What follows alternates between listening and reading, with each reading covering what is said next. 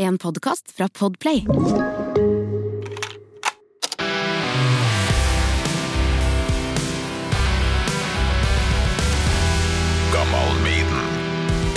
Du drar på deg det trekkspillet Ja, ja, ja. skal vi høre Ja, litt på det du fortelle en sendte? veldig kort forhistorie der. For Ja. siden jeg, siden jeg blei så hetsa for at jeg spilte trekkspill, så hadde jeg en sånn drøm om at jeg skulle på audition og få jobb i Iron Maiden. Så jeg så for meg at bare tenk hvis jeg står på scenen med trekkspillet mitt med, med Iron Maiden. Da skal de bare se, da! Og derfor så, så har jeg gjort det, da. Så hvordan ville det låte? Og det kan vi høre nå. Gammal Maiden med Torkil Thorsvik.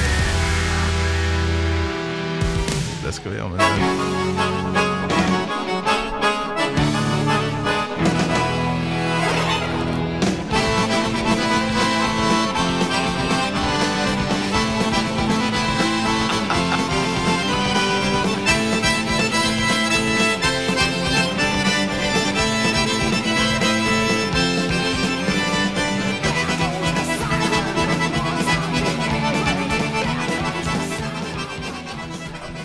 Perkusjon òg i det dragspillet. Ja. Det er jo? Altså, akkurat som Steve Harris-bassen her. Og det er et eget fag innenfor trekkspill som heter belgrist. Altså når du drar belgen, belgen fort fram og tilbake. Ikke sant? Ok, Men så kan du også gjøre et trikk som russerne har funnet opp, som gjør at du får trioler. Da kan du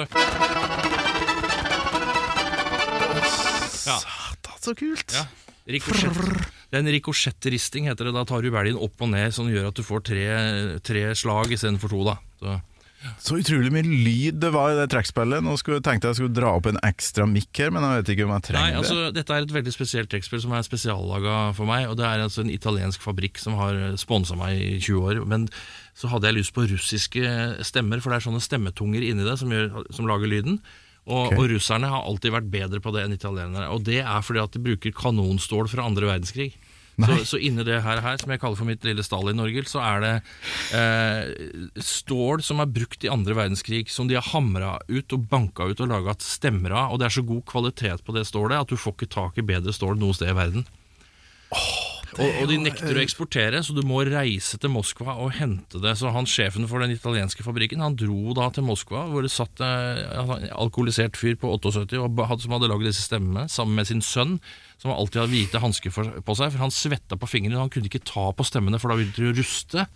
Så de dro han og henta dette stemmesettet, og så satte han det inn i et italiensk korpus. da Så det, det er det beste av to verdener, liksom. Så Det er jo låter- metal, det er jo Ja, heavy metal ja, det inni det der trekkspillet. Ja visst. Og så Du satt og drømte, da. Jeg ser jo for meg unge Stian med langt hår oppå Ja, scenen foran de her eh, sarkofagene, Ja, ja. Power Slave, og så står du der med trekkspill og spiller sammen med Steve Harris. Sar sarkofagfolk.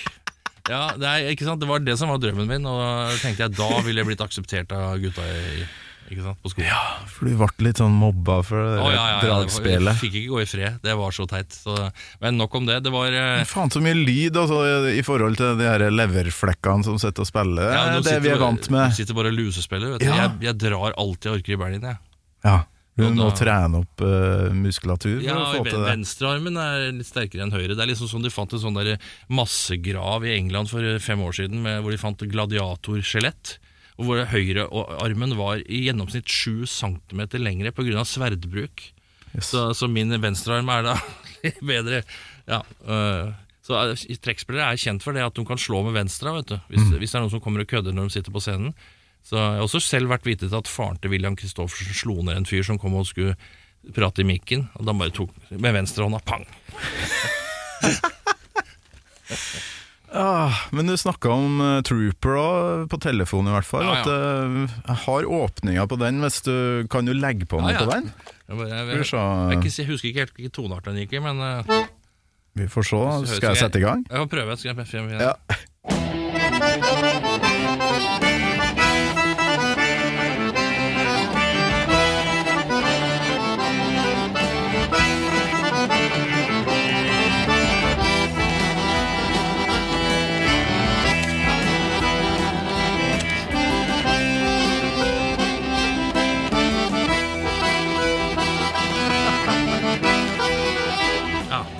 Hva jo ikke være så lenge siden du satt og kosa deg med Maiden og trekkspill, eller?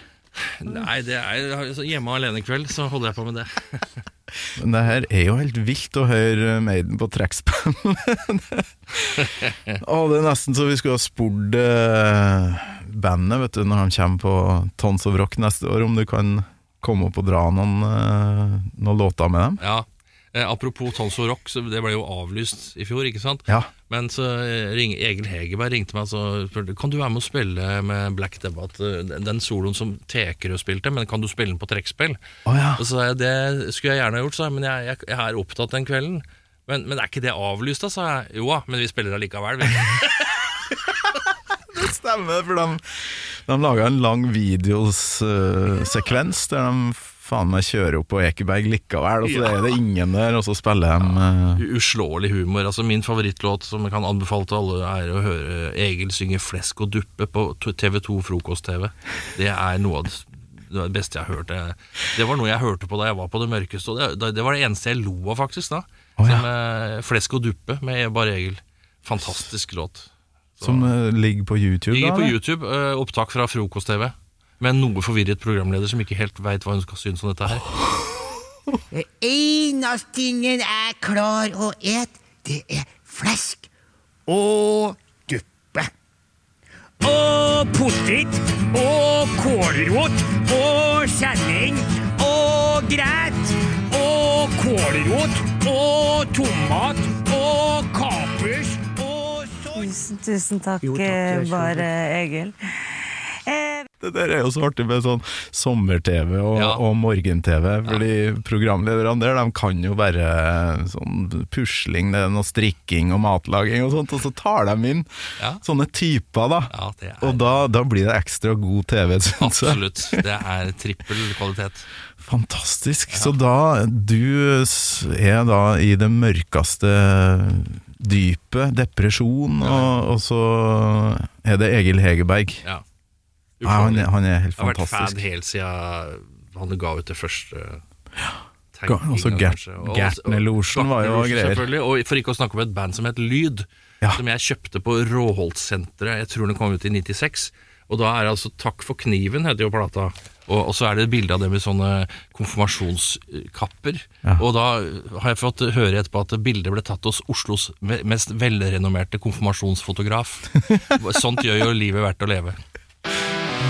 Gammal Maiden med Torkel Thorsvik. En podkast fra Radio Rock.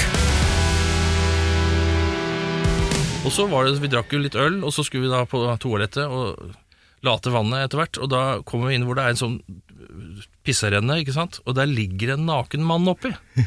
Eh, på denne homsebaren. Og jeg, jeg hadde aldri sett noe sånt nå. Og Mike var helt eh, kul på det, liksom. Og så, så prøvde vi liksom å ikke tisse på han, da, så han lå jo oppi der. Og da ble han veldig støtt, og så reiser han seg liksom halvt opp og sier Hey, what's your problem?